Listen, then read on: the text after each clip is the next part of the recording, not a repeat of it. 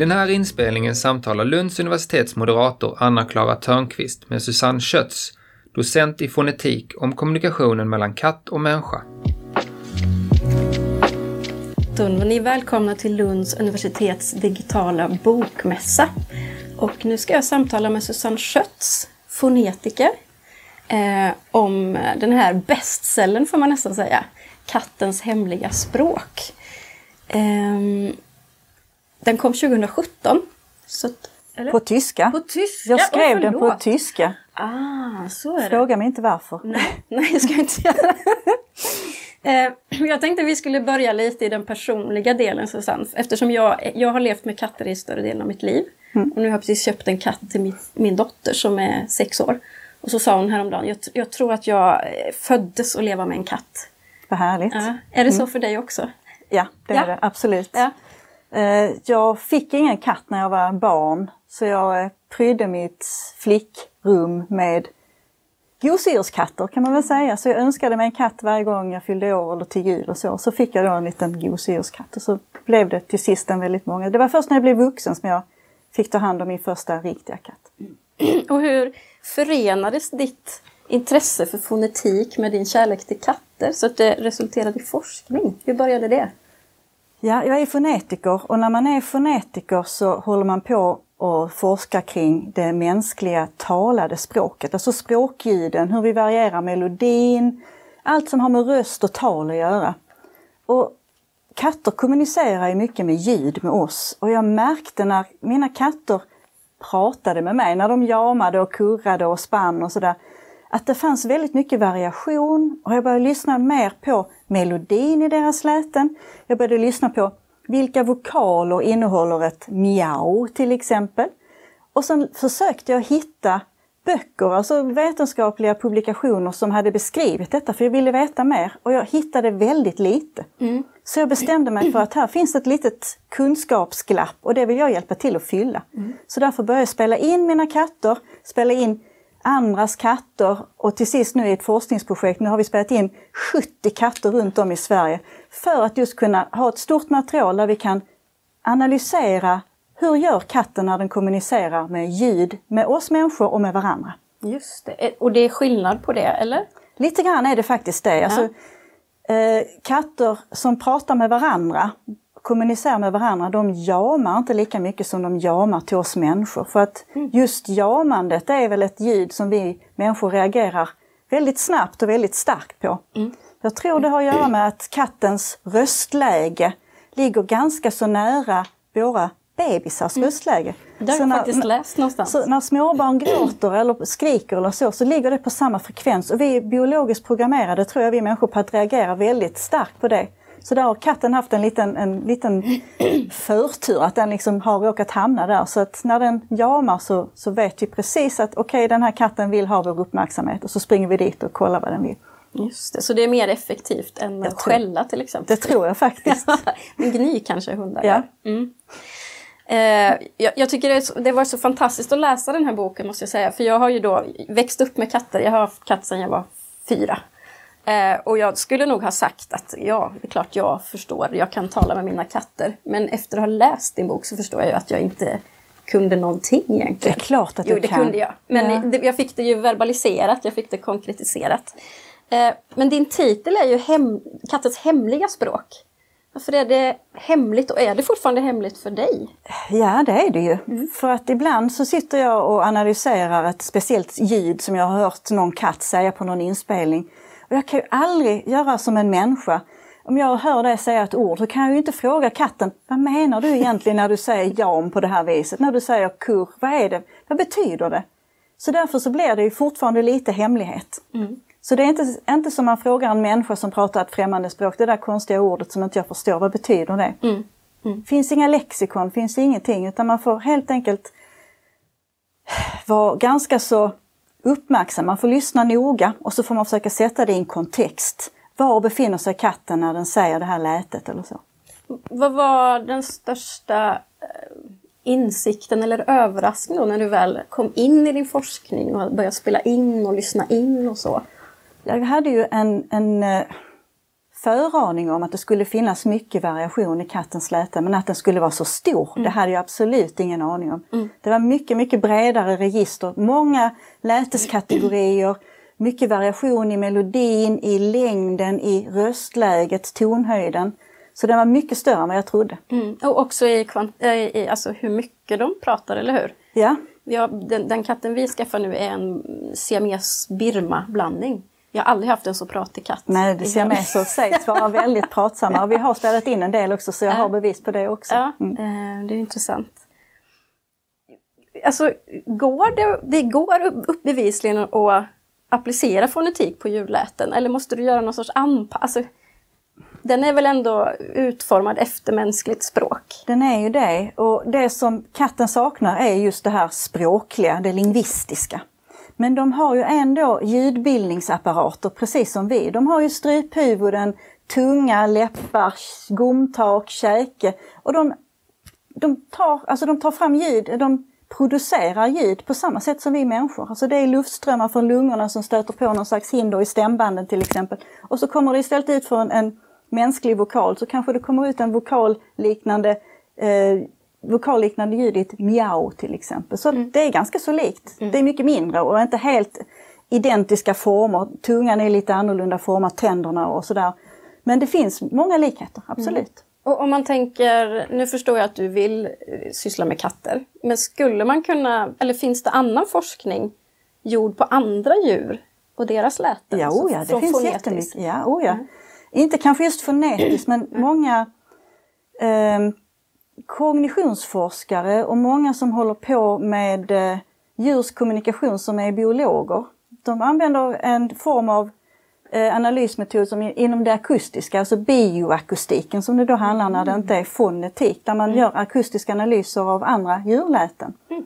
Och där har man också hittat mer och mer variation i lätena. Mm. Man kan till exempel säga, avgöra om en en get eller en ko eller en gris är, är glad eller mindre glad till exempel. För det tyckte jag var så fint. Du har eh, en, en bild och så visar du matkontext och veterinärkontext. Kan du berätta vad, vad, vad är liksom den stora skillnaden där? Ja, katter som, som är hungriga de brukar jama för att vi ska förstå att nu är vi hungriga, nu vill vi ha mat. Men katter som sitter i sina små transportburar på väg till veterinären och sitter i väntrummet och så, de jamar ju också. Mm. Men de jamar av en annan anledning. Jag behöver uppmärksamhet, jag vill inte vara här, släpp ut mig. Mm. Och vad vi har märkt i våra inspelningar då är att när katter som sitter och är hungriga och jamar, deras melodi är faktiskt annorlunda än katter som sitter i transportburar. För att mm. katter som är hungriga, de kan vara lite förväntansfulla. Mm. De gör det nästan som till en liten fråga, att det liksom går upp på slutet, miau. Mm. Medan katter som sitter i transportburen och är kanske lite stressade, lite ängsliga, där faller melodin på slutet, miau. Mm. Så det märkte vi att många katter gör det, inte alla, men förvånansvärt många har den här skillnaden. Och det kan bero på flera saker. Det kan vara att de har hört oss människor när vi pratar med dem och de har liksom märkt melodin att när vi ställer någonting frågande vänligt så går vi också upp med våra röster, melodin på slutet.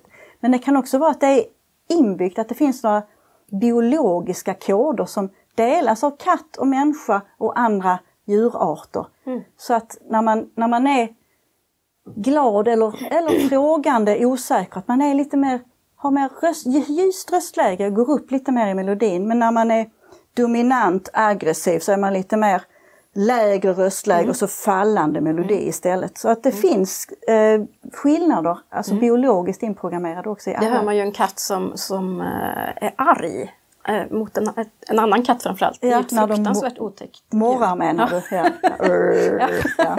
Det kan skrämma vem som helst. Eh, du kategoriserar ju kattens viktigaste ljud. Nu har du pratat om jamande, mjau, det, det lär man sig ju redan när man är ett år. mm, vad säger katten? Ja, men vad, vad, finns det för fler? Oh, det finns rätt så många och det beror på hur man vill dela in dem. Men eh, de jag tar upp i min bok här, om jag nu minns rätt, det är ju, mm. det är ju jamandet och så är det kurrandet som är mm. mitt favoritljud, det är det här mm. vänliga rrr. Och visst är det lite en gåta fortfarande, eller? Spinnandet? Ja, nej, det är inte kurrandet jag pratar om ah, nu. Okay, så det är, inte spinnandet? Inte spin, nej, nej. Utan kurrandet är ett, ett, har vi ganska så... Eh, ganska, jag är ganska säker på att det är ett vänligt ljud, ja. att man katten kan hälsa på en kompis, en vän med kurrande. Mm. Eh, det kan också vara en liten vänlig uppmaning, följ med mig. Mm. Kattmamman som vill att ungarna ska följa med för att hon ska visa dem något, brukar kurra till exempel. Mm. Och sen har vi då eh, spinnandet som vi var inne på och det är väl, börjar så smått eh, tror jag få eh, sin lösning på var, varför katten spinner och hur den faktiskt gör. För det har varit ganska så okänt fram mm. tills nu. Jag tror att det är några forskare som håller på att skriva på en artikel nu som ska publiceras. Så jag ska inte gå in på detaljerna Nej. där, men det är ganska så komplicerat. Mm. Och katter spinner både på inandning och utandning, så det är också speciellt. Ja.